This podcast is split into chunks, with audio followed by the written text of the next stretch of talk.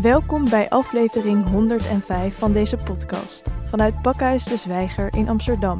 Mijn naam is Aniek van Rinsem en vandaag spreek ik met Arre Zuurmond, ombudsman van Metropoolregio Amsterdam. Beste Arre, welkom. Dankjewel. Hoe ziet een dag van een ombudsman er nou eigenlijk uit? In ieder geval lekker afwisselend, zou je kunnen zeggen. Er zitten wel altijd een paar dingen in. Ehm, elke dag lees ik alle binnengekomen klachten. Dat zijn er gemiddeld 10 per dag, zo'n 2500 uh, per jaar. En hoe komen die binnen? Die kunnen op allerlei manieren binnenkomen. Je kunt bellen, je kunt ook langskomen. Uh, de meeste mensen gebruiken een webformulier. Uh, we hebben ook een WhatsApp-telefoon. Jongeren gebruiken soms liever WhatsApp. Een enkele keer komt er zelfs iets via Facebook of Twitter binnen. Dat is eigenlijk op alle mogelijke manieren. We hebben een inloopspreekuur.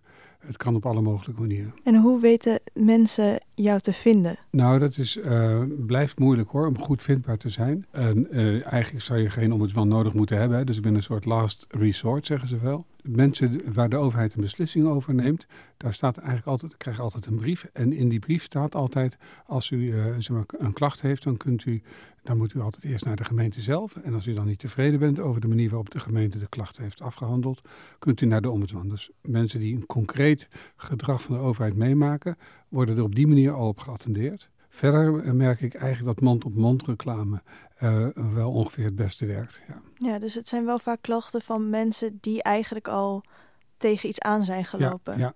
Dat, dus... moet, dat moet ook, hè, want je, je moet klagen over iets concreets. Okay. Uh, je mag niet zeggen van ik vind het een stelletje hufters of een stelletje dieven of uh, een stelletje oplichters. Ja, ja dat, dat mag je vinden, maar daar hoef je niet voor naar de ombudsman. Nee. Ja, maar het is dus ook niet van ik voorzie dat dit fout kan gaan of ik nee. voorzie dat dit beter zou kunnen. Of... Nou, als het echt uh, het, belangrijkste onderscheidende punt is over beleid. Uh, en wat ze rond de raad, de gemeenteraad van, uh, van de gemeenten waarvoor ik werk beslissen, daar ga ik niet over als ombudsman. Het moet altijd uitvoering zijn. Dus wanneer dat beleid besloten is, dan gaat het daarna uitgevoerd worden en dan krijgen individuele burgers ermee te maken. Een verhoging van de parkeerbelasting of uh, een boom die wordt gekapt of uh, een bootje wat zinkt. Uh, het gaat altijd over individueel be beleid, dus, dus, de uitvoering van beleid. Daar gaat het om. En als, als dat je overkomt en je ziet het fout gaan over een paar dagen, dan kan ik altijd natuurlijk nog kijken. Maar het moet wel over individuele, concrete dingen gaan. Ja. Ja, je zei net, het zou eigenlijk, je zou eigenlijk niet nodig moeten zijn. Nee. Maar dat ben je wel. En hoe lang is er al een ombudsman, voor, bijvoorbeeld in ja. Amsterdam? Amsterdam is in 1987, als ik het goed zeg, begonnen met een ombudsman. Uh, de wet op de ombudsman, althans de voorloper daarvan, is van begin jaren 80. Het idee van ombudsman zelf is trouwens uit 1800. Uh, de toenmalige Zweedse koning dacht van nou, misschien uh, hebben mijn burgers wel een soort tegenmacht in de uitvoering nodig. Uh, want soms doen mijn ambtenaren misschien niet helemaal het goede in de uitvoering. En laat ik maar een ombudsman zeg maar, daarvoor aanstellen. Dus het is een oud instituut, maar in, in Nederland eigenlijk na de jaren 70 opgekomen, omdat de overheid vanwege de welvaartsstaat en de groei daarin enorm groeide. En dan heb je niet voldoende aan de tegenmacht van de trias politica, aan de voorkant. Maar dan heb je eigenlijk ook in de uitvoering een, een, een, een soort tegenmacht nodig. En dat, dat is een ombudsman. Je studeerde ook politieke wetenschap en bestuur. Wat interesseert jou daar zo aan? Ik kom uit een uh, politiek uh, actief gezin. Uh, mijn moeder was, ze leeft al heel lang niet meer, was feministe avant la lettre. Um, thuis werden er stakingen, er waren, was het hoofdkwartier van een staking. Mijn vader uh, was een van de oprichters van Christenen voor Socialisme, komt dus uit een wat linkse uh, hoek. Uh, politiek heeft dus altijd een rol bij ons gespeeld. we hadden altijd discussies thuis. Um, ik heb eerst theologie gestudeerd, maar ik zag me toch geen dominee worden. dus na een jaar ben ik geswitcht. en ja, ik ben eigenlijk altijd betrokken geweest bij het openbaar bestuur en de vraag of alle burgers wel eerlijk worden behandeld. Ja, en op zich komt dan het ombudsmanschap past heel mooi in die lijn. Ja, ja ik moet wel zeggen, ik had, er zat helemaal geen lijn in mijn carrière hoor. Uh, niet, althans niet aan de voorkant. Achteraf kan je zeggen, er zit misschien wel een rode draad in. Uh, ik, ben van ik ben van school getrapt. Uh, ben, um, aan het eind van de vijfde, van de middelbare school. Ik geloofde, ik, ik functioneerde niet goed binnen dat systeem. Kon dat systeem eigenlijk ook niet zo goed leren voor repetities. Dat zat niet zo in mijn aard. Ik heb wel later gewoon mijn staatsexamen gehaald. Ik dacht, dat papiertje heb ik wel nodig, maar die school niet. En ehm, toen heb ik dus eerst theologie gestudeerd en later politicologie. Maar ik ben eigenlijk op een heel bijna technisch onderwerp gepromoveerd. Ehm, eigenlijk op de oude Max Webers, een organisatiesocioloog. Uh, die heeft de bureaucratietheorie uh, als een van de weinigen heel goed uitgewerkt. En ik vond dat wel fascinerend, zo'n bureaucratie. Hè? Want je kunt met z'n allen politiek iets besluiten. Maar om dat dan ook werkelijkheid te maken, heb je uitvoerders nodig. Mensen die dat handjes en voetjes geven, die uh, uitkeringen verstrekken of die bruggen bouwen of een nieuwe wijk neerzetten. Hè, dat uh, kan je allemaal in Den Haag of in uh, Amsterdam op de Stopera besluiten. Maar in gelul kan je niet wonen, zou, zei Schever dan. Het wordt pas werkelijk wat als je het uitvoert. En ik vond dat, die laatste vraag eigenlijk wel erg interessant. Want voordat je van beleid naar uitvoering gaat, gebeuren er toch nog een hele hoop dingen waarvan ik denk, nou, dat is politiek interessant. Uh, de meeste bestuurskundige politicologen zitten vooral uh, zeg maar, te focussen op dat beleid en op die stopera, die stolp van de stopera, of de Haagse stolp. En het is helemaal niet druk in de uitvoering met, met wetenschappers. Dus ik dacht misschien dat dat ik daar iets kan betekenen. En wat ben je, waar ben je toen achter gekomen toen je daarin ging verdiepen? Nou, um, zonder bureaucratie zouden we onze welvaart niet hebben. Dus wij hebben allemaal iets tegen bureaucratie. Mhm. Maar tegelijkertijd ehm, eh, hebben we het voor alles nodig. Of het nou uh, zeg maar, de levensmiddelen uh, zijn die we elke dag moeten hebben en dit moeten ophalen. Of dat het om de lampen gaan die moeten branden elke nacht als we op straat lopen. Hè. Um, zeg maar, de moderne samenleving um, kan eigenlijk niet zonder dat er bureaucratieën zijn en zijn geweest. Dus dat was de eerste, uh, ontdekking. Het tweede is dat die bureaucratie eigenlijk niet meer geschikt is voor de echt moderne tijd. Die bureaucratie is eigenlijk een uitvinding van het proces van de industriële revolutie. Uh, daar paste die heel erg goed in. Maar we zitten nu in een veel horizontalere samenleving die veel meer vernetwerkt is. Die ook, veel meer globaal is, wereldomvattend. En in mijn proefschrift ontdek ik dan eigenlijk dat die organiseervorm van de bureaucratie, laat wel eens 1994, dat die eigenlijk niet meer geschikt is uh, om de vraagstukken van deze tijd op te lossen. En waarom past die dan wel in die tijd van de industriële revolutie en past die niet meer in een meer horizontale, globale samenleving? Ja, dat heeft met een paar dingen te maken, maar uh, in, de, in de organisatiekunde heb je dan eigenlijk drie uh, elementen. Kijk, een bureaucratie is prima als het een relatief simpele taak is die je uitvoert. Mm -hmm. Uh, hij moet ook niet zoveel verbinding hebben met andere taken die hij uitvoert. Dus het moet een redelijk losstaande taak zijn. En die taak moet niet te vaak veranderen. Om een voorbeeld te geven, kinderbijslag. Ik weet niet of je daarover nadenkt, hè, maar de kinderbijslag zoals die nu wordt verstrekt. Tegenwoordig heet het kindertoeslag. Hè. Ik ben een oude man, dus ik noem dat nog kinderbijslag. Het wordt elke drie maanden door de Sociale Verzekeringsbank uitgekeerd is een relatief simpele taak die al 40, 50, 60 jaar, ik weet niet hoe lang, ongeveer op dezelfde manier wordt uitgevoerd ook niet jaarlijks veranderd. Dat is prima. Kijk, en in een, uh, dat kan prima door een bureaucratie gedaan worden. En in de industriële revolutie, uh, in, die, in die periode hadden we eigenlijk relatief simpele producten, of dat nou in het bedrijfsleven was, of simpele producten ook bij de overheid. En die konden prima door losstaande uh, bureaucratieën, die elk een afzonderlijk product maakten, um, wat niet te vaak veranderde, kon, dat kon prima. Maar is het dan, de wereld is te complex geworden voor bureaucratie? Ja, niet alleen te complex, maar de wereld is ook veel dynamischer.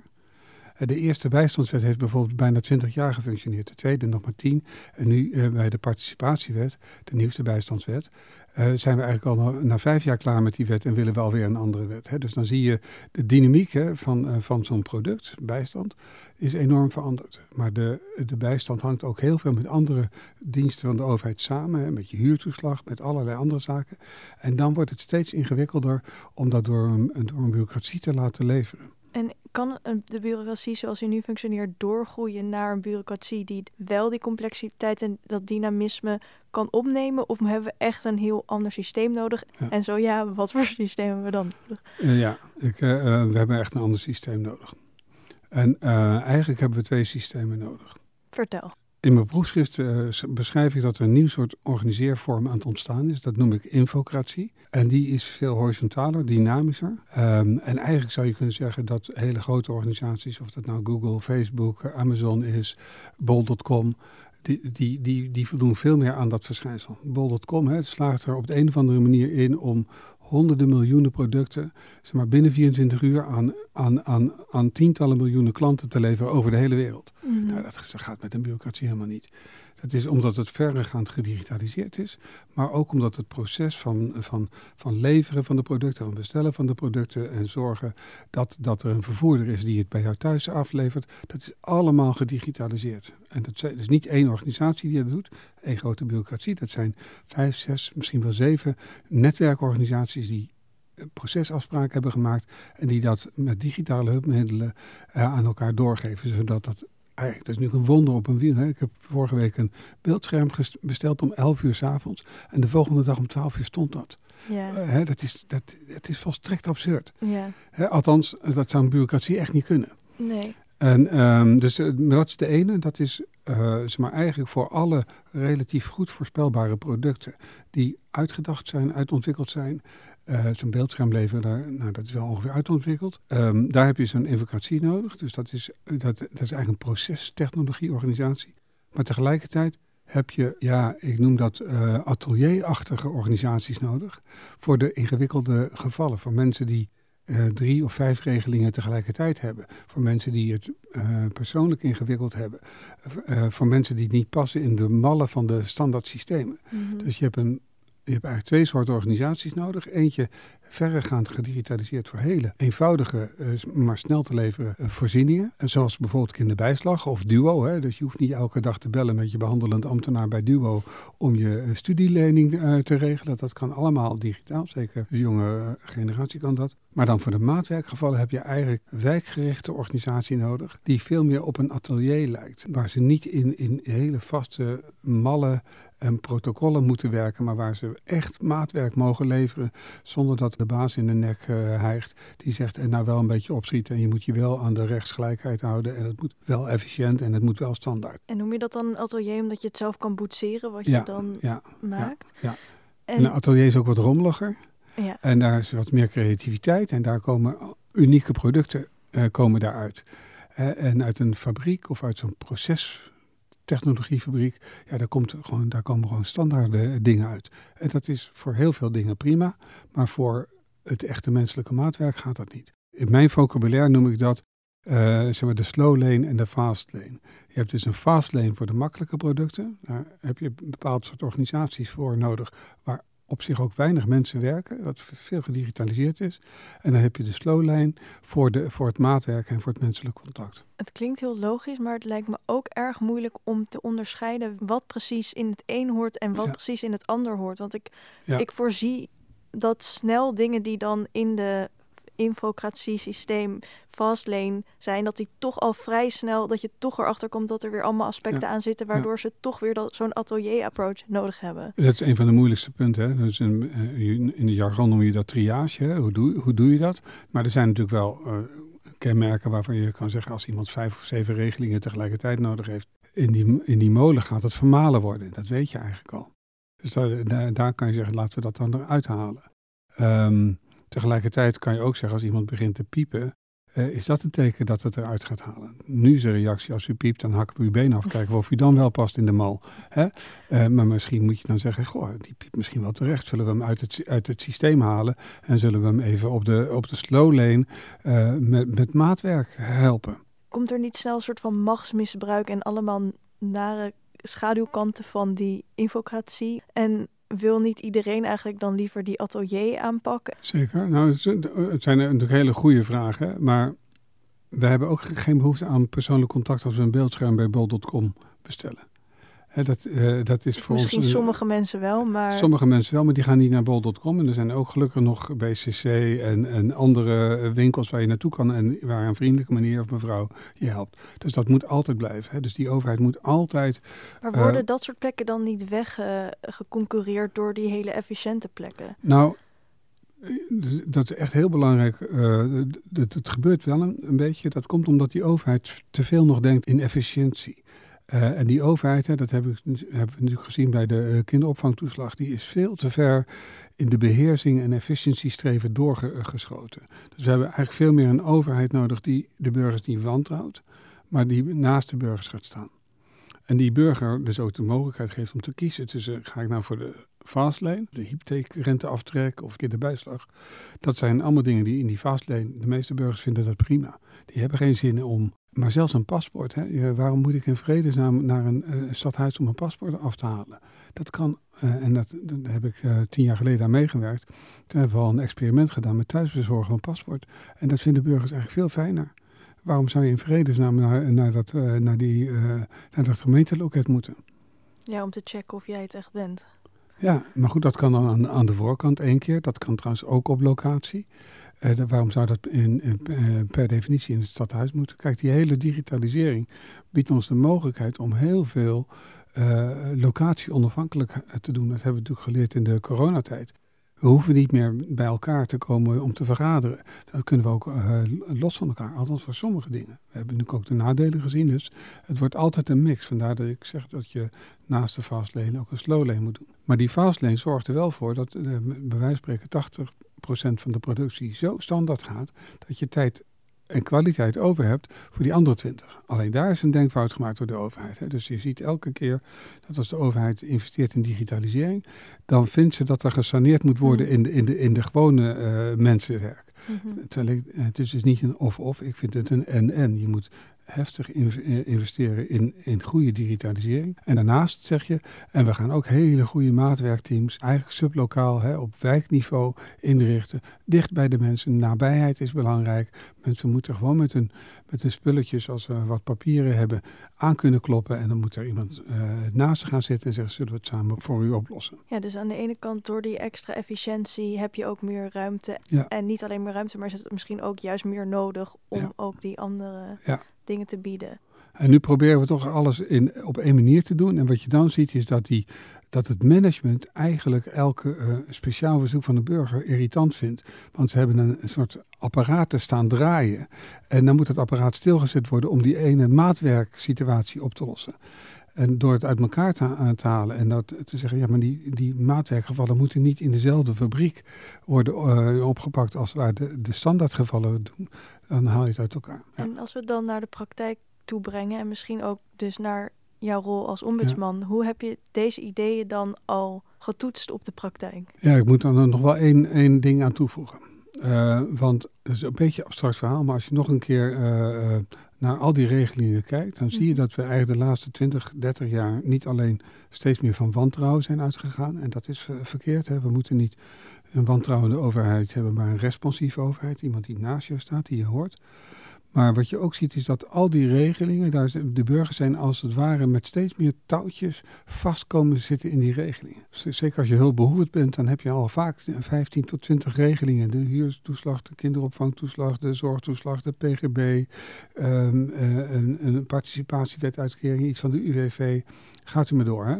Ehm, en wat er dan gebeurt is dat burgers zo vastzitten in die verschillende regelingen, dat ze eigenlijk niet meer durven te bewegen. Als het allemaal werkt, dan hebben ze een beetje wat ik noem het, eh, het, eh, hetzelfde gevoel wat je met je provider hebt. Weet je, ik kan misschien wel een andere provider krijgen die 5 euro goedkoper is per maand. Maar ik ga het niet doen, want ik ben zo bang dat mijn internet dan het niet meer doet, of mijn e-mail niet meer doet, of ik weet niet wat er dan gebeurt, dat er kapot, wat niet blijkt te werken bij de overstap naar een andere provider. En dan moet ik een of ander vreselijk callcenter opbellen, waar je een half uur of een uur voor in de wacht staat. En dan krijg je iemand aan de lijn die van toeten nog blazen weet. Dus dat schrikbeeld zorgt ervoor dat je gewoon bij je provider blijft. Een soort kaartenhuis en met één Ja. klein tikje valt Ja. het in elkaar. En eh, don't move, hè? En, en, en burgers hebben dat van de overheid ook, dat gevoel. Hè? Dus ik heb nou alles geregeld. Ik heb een huurtoeslag, ik heb een zorgtoeslag. Weet je, ik woon uh, goed gekozen registratiesystemen.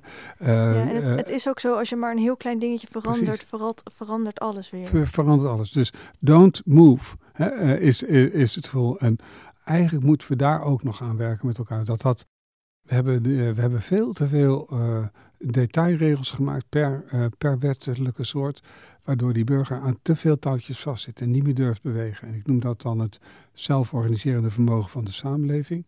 We hebben eigenlijk door al die regels uh, de samenleving gemedicaliseerd. Hè? En voor alles heb je die overheid nodig. En ik denk dat we een stuk van die regels moeten terugdringen, zodat er ook weer veel meer individuele vrijheid staat om zelf dingen te regelen. En is het dan aan de burger om te bepalen van de fast lane werkt niet voor mij, Ja. doei. Dat zou, dat zou goed zijn, hè? als de burger dat zelf kan kiezen. En gewoon ook mag kiezen voor de slow lane als hij of zij dat wil. Ehm, net zoals wij kunnen kiezen voor bol.com of iets dergelijks. En dat hij daar dan in ieder geval een, een, een, een begripvolle, luisterende eh, overheidsdienaar eh, ontmoet. Die dan wel over de grotere breedte hem kan helpen. En niet kan zeggen, nou daarvoor, daarvoor moet je bij die zijn, daarvoor moet je bij die zijn. Dat gebeurt nu heel veel. Iemand die dat integraal aan kan. En maar ik denk dat dan ook veel burgers blij zullen zijn. Maar nog even terug naar, dat, naar, het beeld van dat zelforganiseerd vermogen. Je zou ook kunnen zeggen, misschien moeten we niet zeven of twaalf toeslagachtige regelingen hebben, maar veel meer een generieke regeling, een soort basisinkomen Mhm. of, een, eh, zeg maar, of een negatief basisinkomen, zoals dat dan heet. Een Ehm, negatief basisinkomen is dat het opvult tot een bepaalde standaard? ja, ja dus eh, dat, eh, dat, dat het zegt de eerste 500 eh, krijg je altijd tenzij je geld verdient of zoiets. Nou, dat, daar zijn allerlei varianten voor, maar laten we het gewoon even basisinkomen noemen. Kijk, nu is het zo, als jij bijvoorbeeld een kamer leeg hebt in Amsterdam, je bent eh 60-jarige vrouw en je hebt nog, eh, je had vroeger je man en kinderen, maar je man is overleden, je kinderen zijn uit huis. Je woont in een vierkamerwoning voor 550 euro, iets dergelijks. Je gaat niet naar een kleinere woning. Niet zozeer omdat je dat niet wil, maar die kleinere woning is al duurder en die zit in, in een andere wijk.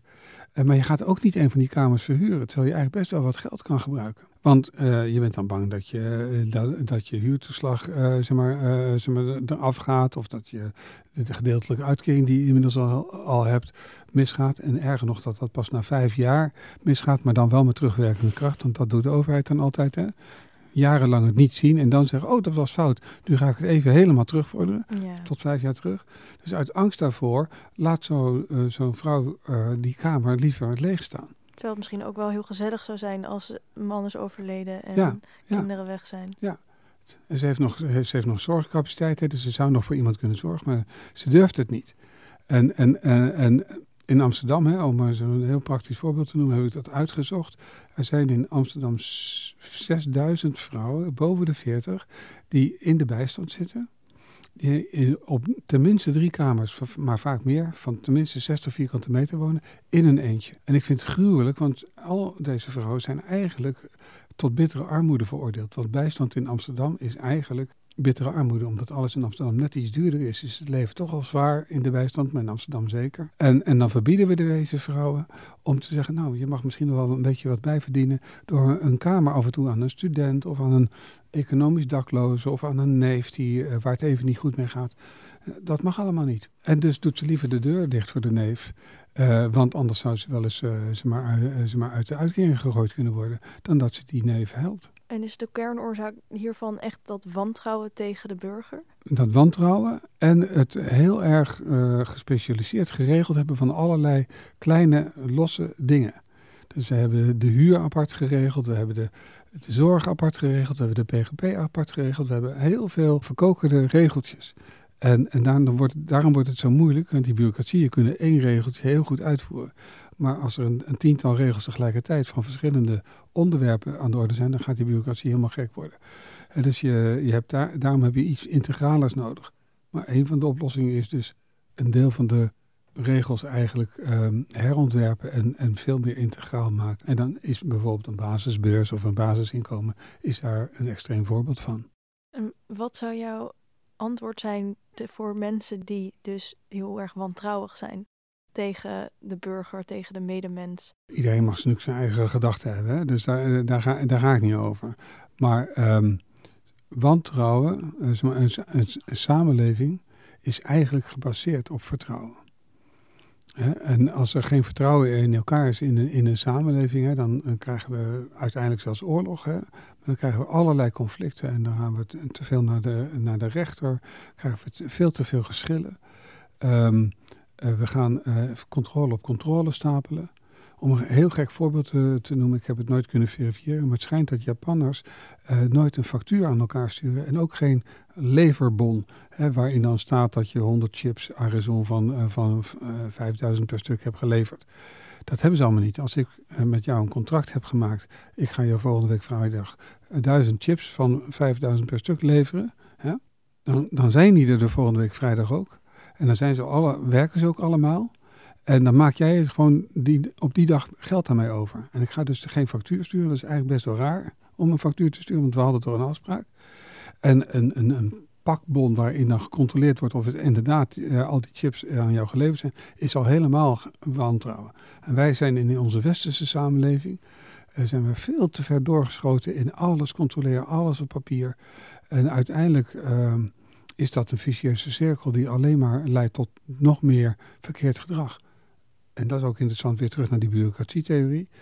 Um, op het moment dat je heel te, te, veel papier gebruikt en te veel controleslagen maakt, gaat, gaan medewerkers in zo'n organisatie zich ook niet meer verantwoordelijk voelen voor wat ze doen. Dan worden de checkboxen die ze afchecken aan het eind van de dag, mm-hmm. uh, kunnen ze dan zeggen, nou ik heb 80 formuliertjes ingevuld, alle checkboxen afgecheckt, klaar, ik ga naar huis. Uh, ze zijn dan niet meer uh, deelnemer van die organisatie. Ook. Ze zijn niet meer intrinsiek bezig. gemotiveerd, ja. niet meer intrinsiek betrokken bij wat die organisatie voor bedoeling had, wat het waarom van die organisatie. Ze doen dan alleen nog maar het, het hoe van de organisatie. Ja. ja, dus we moeten ook eigenlijk mensen de ruimte bieden om zelf te blijven nadenken en zijn wie ze zijn. Ja, zeker. Dat is een heel mooi voorbeeld, vind ik, van dus ik ben het getal kwijt, maar die enorme aantallen alleenstaande vrouwen die ja. eigenlijk kamers zouden kunnen verhuren. Ja. Ik vind het ook echt best wel bijzonder dat je daarachter bent gekomen. Ik weet niet hoe, hoe je daarachter bent gekomen. Nou, eh, ik mag vragen stellen aan de afdeling onderzoek en statistiek. Dus ik heb uh, gevraagd, doe mij eens een uitdraai van. Uh, van vrouwen boven de 40 die in de bijstand zitten, die uh, tenminste op 60 vierkante meter of meer wonen, uh, waar tenminste drie kamers in zitten. En die ook nog kinderen hebben gehad, hè, want ik was eigenlijk geïnteresseerd ook nog in, hebben ze, hebben ze indicatie dat, er zorg, dat ze kunnen zorgen voor iemand. En dat waren er dus 6000. Dat was natuurlijk een schrikbarend aantal. Ja, echt heel hoog. Inderdaad. En dus als wij zeggen we hebben een woningentekort, dan dat is misschien nog een ander punt wat ik heel graag wil benoemen. wij denken in woningen. Ja, en iedereen moet een woning hebben. Ik zeg nee, we moeten denken in wonen. Dat is iets anders dan woningen. Ja, iedereen en, moet een kamer of een bed hebben. Iedereen moet een, een, dak boven het hoofd hebben. Maar niet iedereen hoeft een, een, een separate woning te hebben met een eigen voordeur, met een eigen adres uh, uh, en een eigen brievenbus en een eigen gasaansluiting. Dat mag dan tegenwoordig niet meer. Hè? Maar um, snap je? Dus dat uh, op het moment dat je denkt in wonen, dan, dan laat je veel meer variëteit toe. Dus een van de andere nadelen van die bureaucratie is dat die, die kan niet heel goed tegen variëteit. Het moet simpel zijn. Gewoon drie categorieën, dat kunnen we overzien.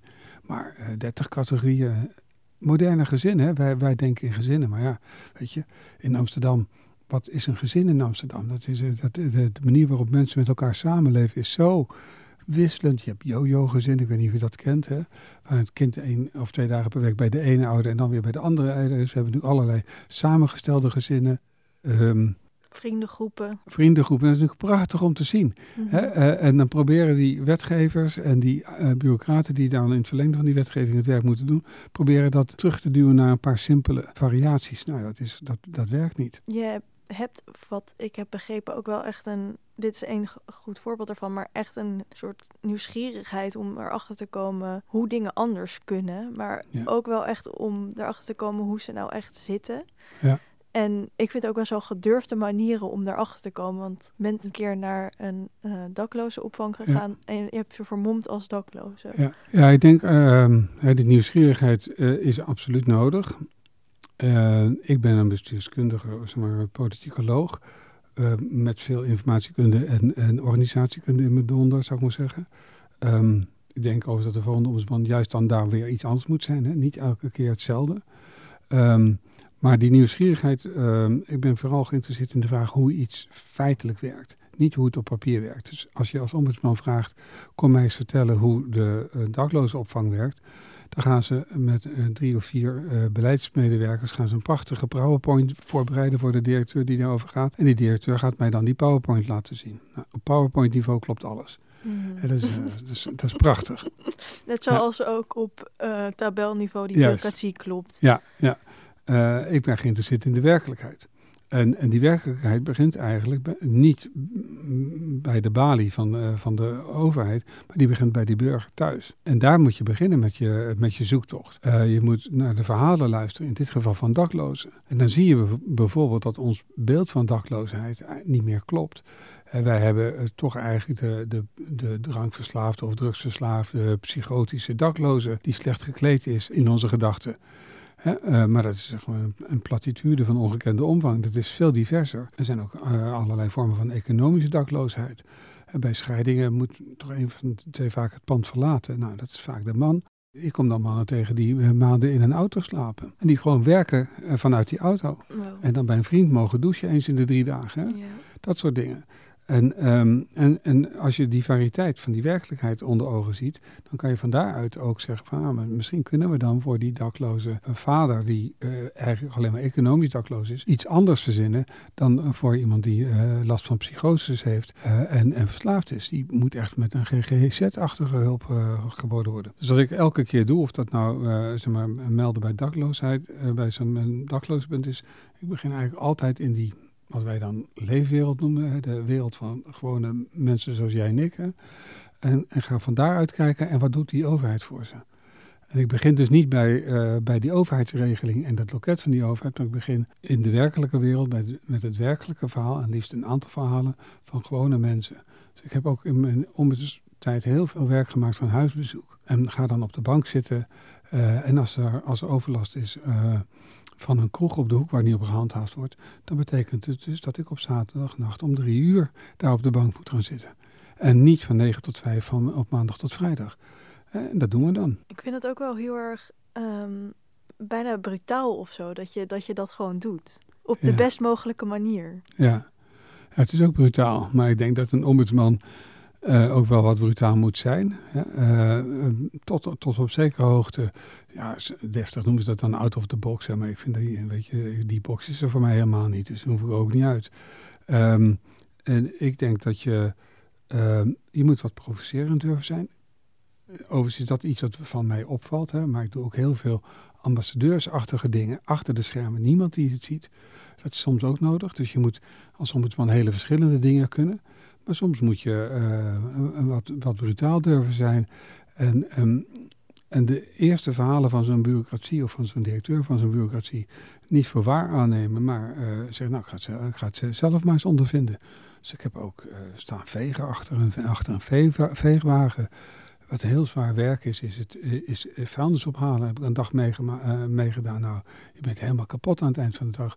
Maar wat die mannen daar zien, en wat ze je dan vertellen in de lunch en in de, in de koffiepauze. Ja, dat, is, dat, is, dat, dat vind je nooit als je op, op het hoofdkantoor rondloopt. En ja. er komt zoveel kennis voort uit ondervinding. Ja, precies. precies. En ik denk dat dat ook weer een, typisch dat verschil is tussen zeg maar, bureaucratisch tijdperk en de tijdperk waar we nu in zitten. Hè, waar je, nou in het jargon heet dat ook wel massaal maatwerk nodig hebt. Het, het is allemaal al bedacht in de jaren tachtig hoor, dat het nodig was. Dus ik, ik verzin eigenlijk zelf niks nieuws. Ik, mm -hmm. uh, ik, ik praat maar vooral een paar. Wel doen. Ja. En dat is denk ja, ik wel, dat precies. is denk ik wel uniek. Ja. En dat is, nou, daar kom ik, dat is precies, uh, dus die concepten bestaan al jaren. Wat ik geprobeerd heb als ombudsman is actie te doen, hè, door actieonderzoek te doen, door niet uh, rapporten te schrijven en een soort belerende toon te hebben richting de wethouder of richting de raad, maar door met medewerkers in de uitvoering het gesprek aan te gaan en hun managers en hen helpen op het onvermijdelijke pad van leren te komen, denk ik dat je veel meer kunt verbeteren, maar dat die vorm van verbetering eigenlijk ook meer hoort bij die, wat ik net noemde, complexiteit, dynamiek en, en, en verwevenheid. Hè? Dus die, die drie factoren zijn zo anders dat het vanuit een ivoren toren zonder gesprekken doordenken van hoe het anders moet, dat kan gewoon niet meer. Maar wordt het een beetje geaccepteerd door de ivoren toren dat jij zo te werk gaat? Nou, niet altijd. Hè?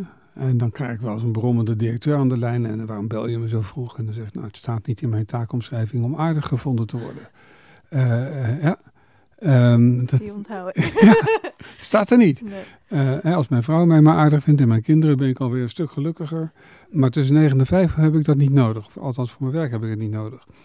En dan zeg ik altijd uh, daarachteraan, ja, je bent waarschijnlijk niet onderdeel van het probleem, maar waarschijnlijk wel onderdeel van de oplossing. En daarvoor heb ik je nodig. En als je het zo doet, hè, dan, dan willen ze ook vaak wel helpen.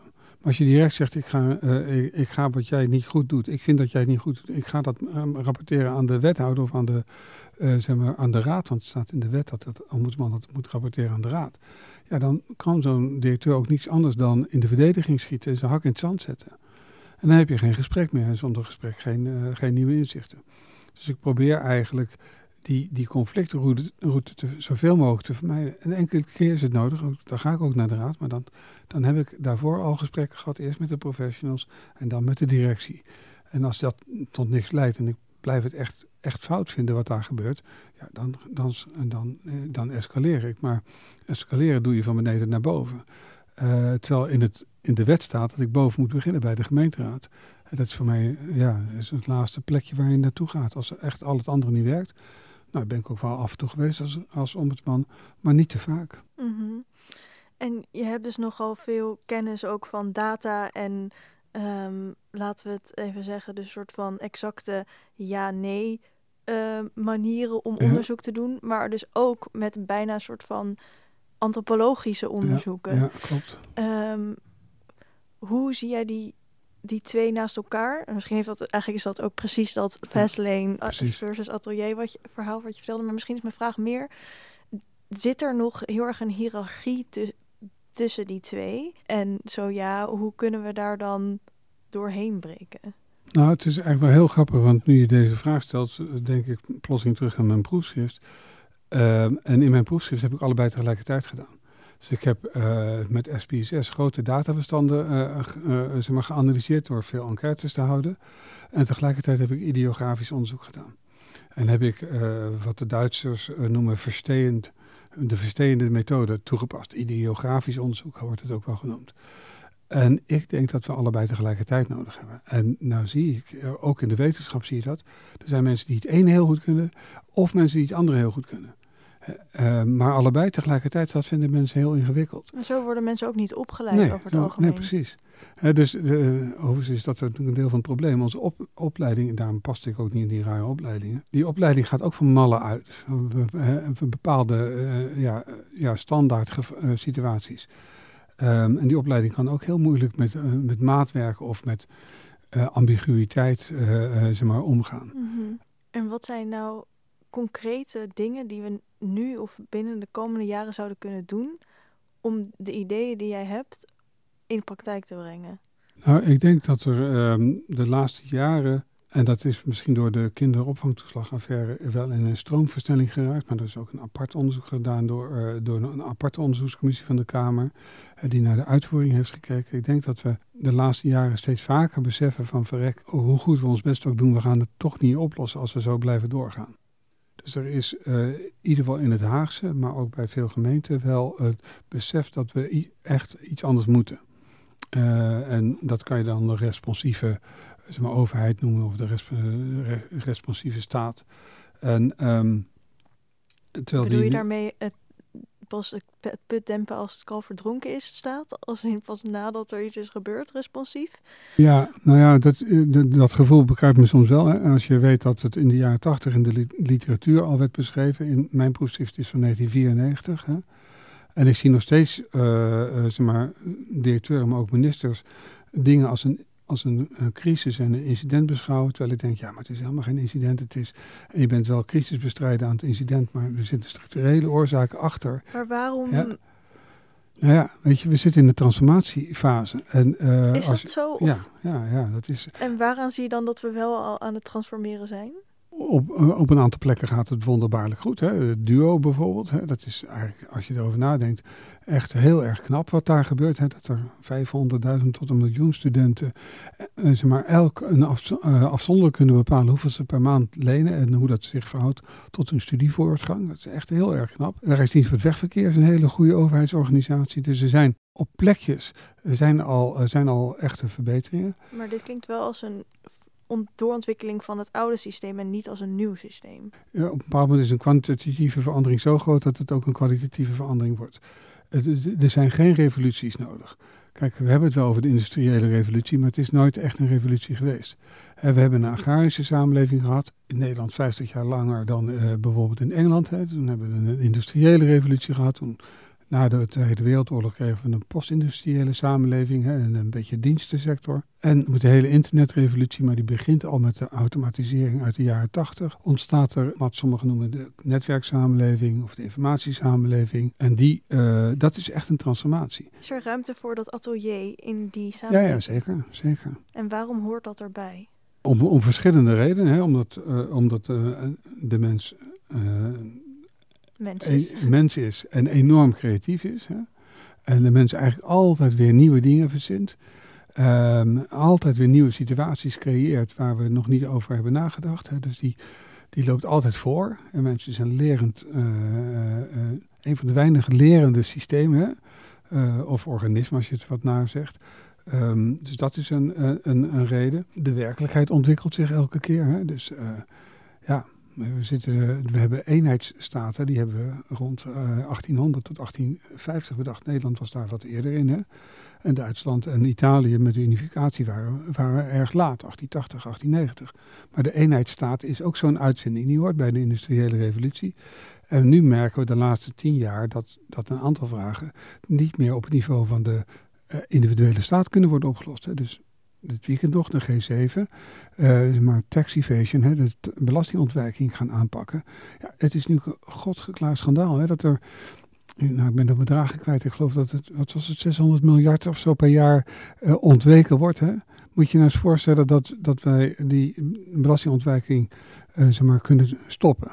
Nou, voor Amsterdam-Zuidas is dat uh, wat naar, want daar verdiende een nette man in pak heel veel geld aan, aan, deze diefstal. Uh, maar de samenleving zou natuurlijk een waanzinnige hoeveelheid extra geld hebben om uit te geven aan nog meer onderwijs, nog meer kansengelijkheid, nog, uh, nog meer vormen van wonen mogelijk maken. Um, hè, en dat zou dan op Europese schaal kunnen. Dus ik denk dat er he hele spannende nieuwe ontwikkelingen zijn. Recentelijk heb je de leefsituatie van ongedocumenteerden in ja. de regio ja. Amsterdam onderzocht. En een rapport uh, is daaruit voortgekomen getiteld Onzichtbaar.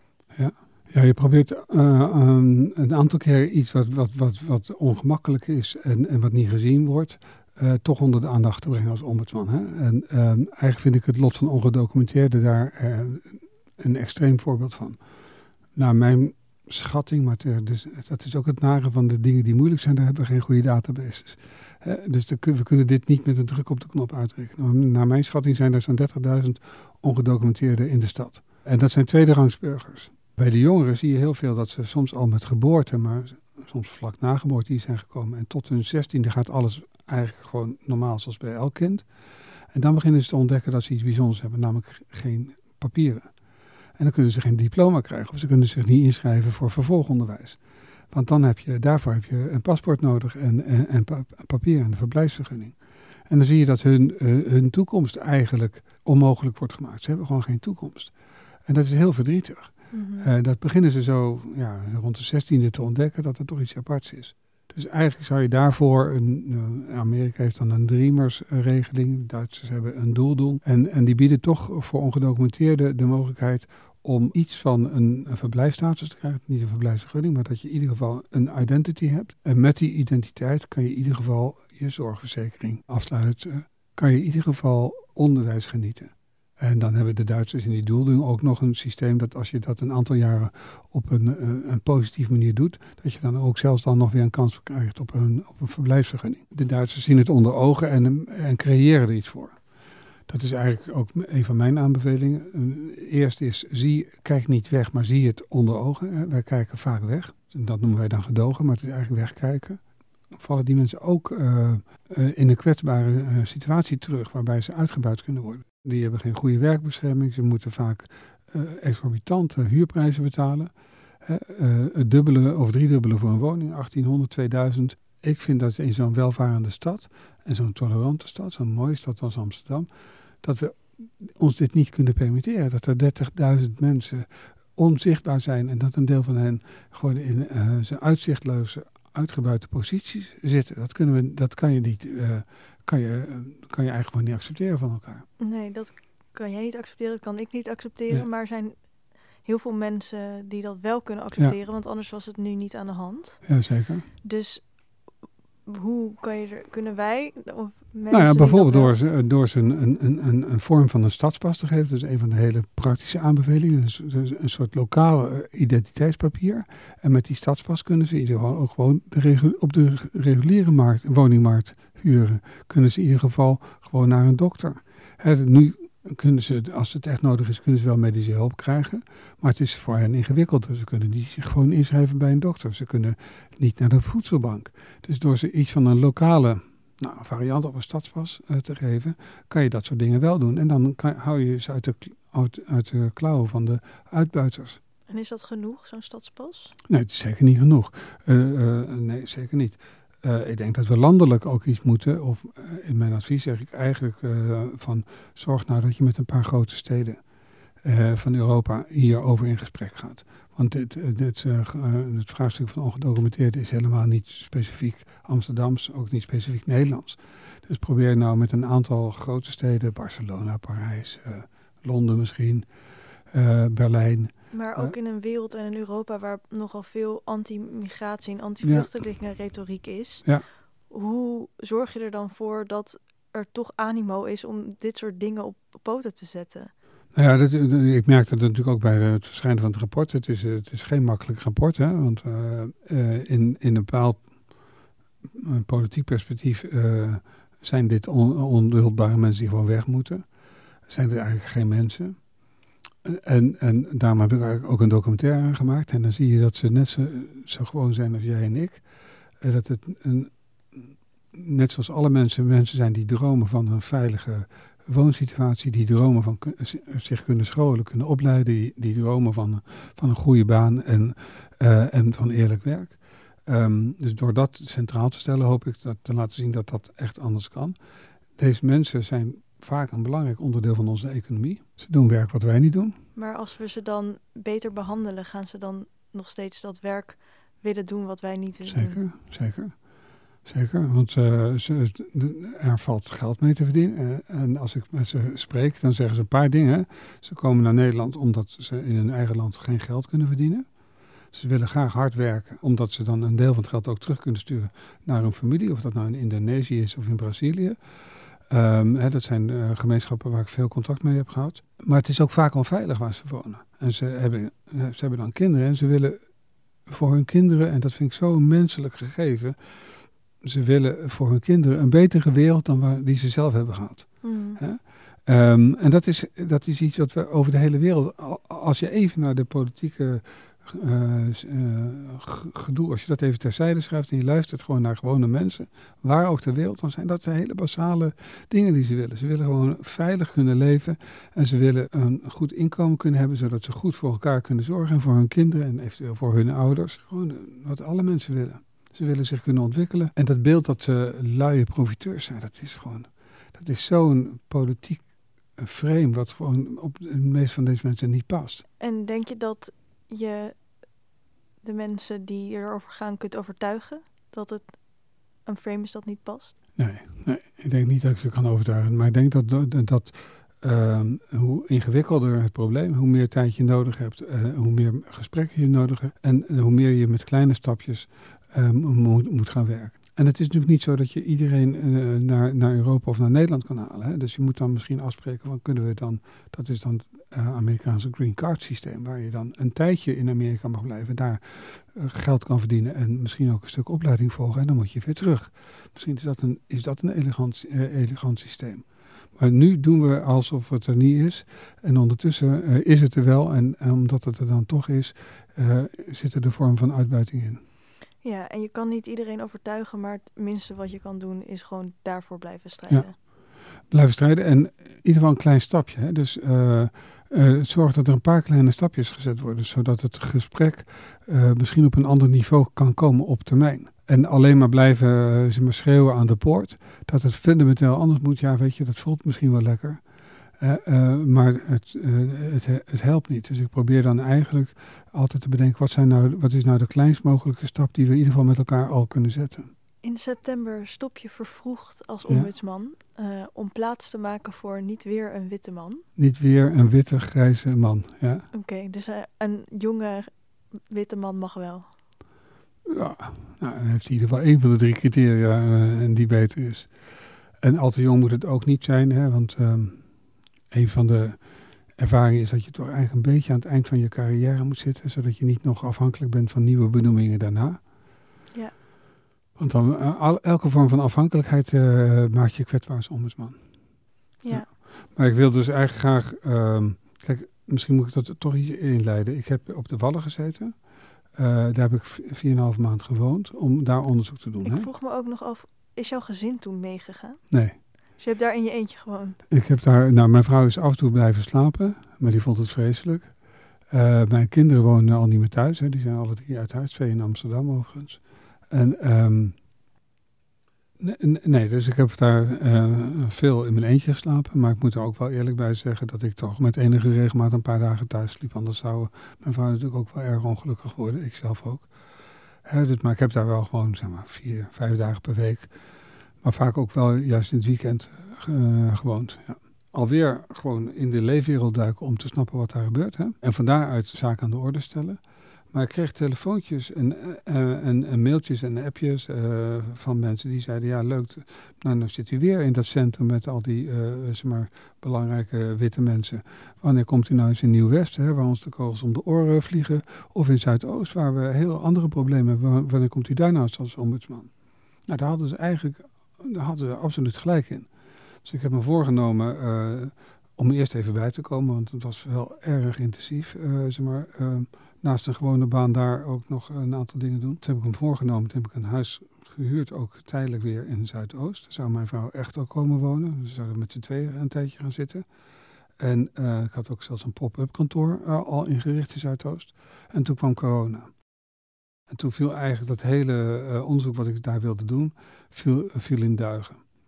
Want het was helemaal gebaseerd op ontmoetingen en, en gesprekken met mensen. En gaan naar, uh, naar kerken op zondag en uh, dat soort dingen. Dat werkte niet. en daar was ik eigenlijk wel in teleurgesteld.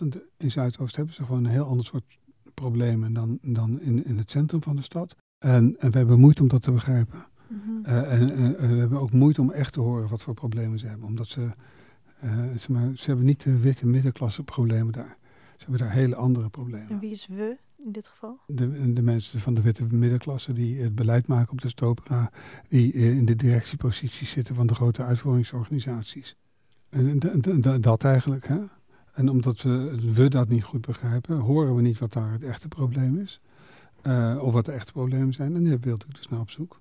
Nou, dat is me niet gelukt. Uh, ik heb wel op mijn bureau fors aan diversiteit gewerkt. Omdat diversiteit, het zorgen dat, niet, dat heeft alleen, niet alleen met, met kleur, maar ook met seksen te maken, met leeftijd. Hè. Heb je ook jongere mensen in dienst of heb je alleen oude mensen in dienst? Um, maar ook zelfs met klassen. Heb je alleen maar mensen uit de middenklasse in dienst? Of heb je ook uh, mensen die uit een arbeidersklasse uh, komen, als ik het zo mag, een beetje ouderwetse term. Uh, maar toch, je moet gewoon aan allerlei vormen van diversiteit werken. Want dan snap je, dan kan je pas goed horen wat de ander zegt. -hmm. Ik had een keer een casus, we hadden een, ook een vluchteling, uh, iemand uit Kroatië, die, of nee, sorry, Bosnië, die bij ons een tijd werkte. en die hoorde hele andere dingen in de verhalen van bepaalde klagers. En dat hielp ons enorm om op een andere manier naar die klager te kijken en, en, en dus te gaan helpen. Nou, toen ik dat had gedaan in Zuidoost en dat was vastgelopen, kwam er in de zomer een rapport uh, dat eigenlijk in de hogere echelons van de ambtelijke organisatie nog te weinig diversiteit was. Um, en bij mij triggerde dat wel. En dacht ja, jeetje, nou heb ik heel veel aan diversiteit uh, gewerkt in mijn bureau. Uh, ik heb um, geprobeerd in Zuidoost te gaan werken, maar dat is niet gelukt. En misschien is het tijd voor, voor een opvolger die juist juist dat soort dingen weer heel erg goed begrijpt. Hè. Dat moet dus niet een organisatiekundige of bestuurskundige zijn. Uh, maar dat zou misschien juist meer een antropoloog of socioloog moeten zijn. Maar misschien ook wel een theoloog of een filosoof. Iemand in ieder geval met een biculturele achtergrond die veel beter in staat is te horen wat daar aan de hand is en wat zij, uh, zij die daar wonen nodig hebben van een overheid. En in hoeverre heb jij invloed op dat, op wie jouw opvolger wordt? Geen enkele. Geen enkele. Dus hoe, nee. Behalve dan eh, behalve dan die oproep, hè, die natuurlijk vrij hardhandig eh, gedaan is en ook wel goed opgepikt is door de pers. Dus eh, dat helpt natuurlijk wel een beetje, want dan hebben ze echt wel iets, ze hebben echt wel iets uit te leggen als ze nu weer met een witte grijze man komen. Dus, maar het is een volledige recht hè, en als die de beste kwalificaties heeft, prima. Daar ga ik helemaal niet over, ik heb er niks over te zeggen. En ik weet het ook niet. Ik weet dat ze op dit moment een gesprek aan het voeren zijn. Eh, Maar met wie en, en, en wie daar eh, welke voorkeur voor heeft, daar ga ik allemaal niet over. En ik zie eh, met vertrouwen tegemoet dat het goed komt. Oké. dan vertrouw ik jou daar ook maar op. Ja, Ehm, wat hoop je nog te doen voor je vertrekt? nou, dat is een moeilijke vraag. Want in, in feite ben ik al eh, bijna volledig aan het stoppen met werken. Ik heb nog een aantal vakantiedagen. En ik doe nog twee dagen per week eh, op verzoek van Alexandra van Huffelen. Begeleid ik eh, het ouderpanel als voorzitter van het ouderpanel. De gedupeerde ouders van de kinderopvangtoeslag. Dus het meeste ben ik daar op dit moment mee bezig. Ook zeg maar, emotioneel wel vraagt dat heel veel aandacht. Want het is werkelijk een gruwelijk drama wat daar gebeurd is. En ook een gruwelijk onrecht. En als je me vraagt wat hoop ik nog te bereiken, is dat we, dat we daar eigenlijk twee dingen doen. Aan de ene kant snappen dat natuurlijk is er compensatie nodig. Hè. Is er, zijn, zijn de betalingen aan deze mensen die schade hebben geleden nodig. Maar de meeste mensen die geholpen zijn, hè, die al wel een betaling hebben gekregen, zijn aan het eind nog bozer en nog verdrietiger. En hoe komt dat? Ze hebben jarenlang in een soort overlevingsstand eh, gestaan omdat ze alleen gelaten zijn door de overheid, gekleineerd, vermorzeld zijn en niemand hen gehoord heeft. En nou doet die overheid eh, zeg maar, een, een betaling en dan denken ze dat het klaar is. Maar er zit een enorme onderstroom van verdriet en boosheid en, en, en, en, het gevoel van verlatenheid achter. Dat ze al in, de steek zijn gelaten door, eh, door de overheid, maar ook door de medeburgers. En wat ik nu hoop is dat we, dat we met elkaar snappen dat om tot echte heling te komen van wat daar gebeurd is, dat we veel meer tijd en energie voor de echte gesprekken moeten he- hebben met, met deze ouders. En, en veel beter eh, naar ze moeten luisteren en, hun de tijd geven om hun verhaal te vertellen, daar naar te luisteren. En, en als je dat dan echt gehoord hebt, te vragen, en wat heb je nou nodig? En dan is het niet alleen 30.000 euro compensatie. Maar wat heb je nou nodig om, je, om weer vooruit te kunnen leven? Wat heb je nodig om, om, om, om de draad weer op te kunnen pakken? Eh, en, en dat besef dat dat, dat, dat eh, nodig is, dat is nog niet volledig, eh, nou, dat is echt nog niet geland in, Den Haag. We zitten nog veel te veel eigenlijk in het oude stramien van als we nou snel betalen, snel die compensatie de deur uit doen, iedereen gecompenseerd, dan, dan is de operatie geslaagd. Maar nee, dat is het helemaal niet. Ik merk nu aan de ouders die die compensatie hebben gehad, dat ze eigenlijk zeggen, ik zit, ik zit er nu helemaal door. Ik begin nu, eh, zeg maar, eh, eh, zeg maar, uitputtingsverschijnselen te krijgen. Of burn-out-achtige verschijnselen. Terwijl ik niks meer, niks meer om mijn handen heb, want ik heb geen baan, die ben ik kwijt. Ik ben gecompenseerd. En, en dat komt omdat ze niet, ze, er is niet echt naar ze geluisterd. En ze, ze zijn niet echt geholpen. Ze zijn niet echt gehoord. Dus nou, dat is het ene wat ik hoop dat, eh, dat van elkaar komt. Hoe wil je daar dan aan bijdragen dat dat gebeurt? Nou, daar ben ik twee dagen per week mee bezig om, om, om te kijken of ik die organisatie, eh, en dan ben ik niet in mijn eentje, dat doen we met een aantal mensen, om te kijken of we die, die, die herstelorganisatie nog meer op dat pad van, eh, van de narratieven, van de echte verhalen kunnen krijgen. En of de gemeente, want de gemeente hebben daar ook een rol in, daarin mee kunnen krijgen. En we gaan binnenkort hopelijk met een, met een alternatieve aanpak van het claimen van de compensatie eh, experimenteren, die juist vanuit vanuit het leven van de gewone mensen begint, van de gedupeerden begint en niet uh, uh, vanuit de regelingen redeneert. Dus dat is het ene. Nou, als je daarachter kijkt, hè, dan, nou, dan is, komen we weer terug op dat wantrouwen uh, versus de responsieve overheid, hè, dus die veel meer naast je staat. Ik hoop dat ik eigenlijk nog een bijdrage kan leveren aan, aan het besef dat we op een, op een zeg maar, op onze schreden moeten terugkeren en, en die, die wantrouwende, efficiëntiegedreven overheid uh, achter ons laten en veel meer teruggaan naar een, uh, ja, een, een responsieve overheid die, die we eigenlijk vroeger ook al hadden hoor. Lijkt me een heel mooi streven. Ja. Heel veel dank, Arre Zuurmond. Dankjewel. Beste luisteraars, dit was aflevering 105 van de podcastserie van Pakhuis de Zwijger. Wil je meer weten? Kijk dan op maandag 28 juni om half zeven naar Uitbuitingsvrije Stad via dezwijger.nl slash live.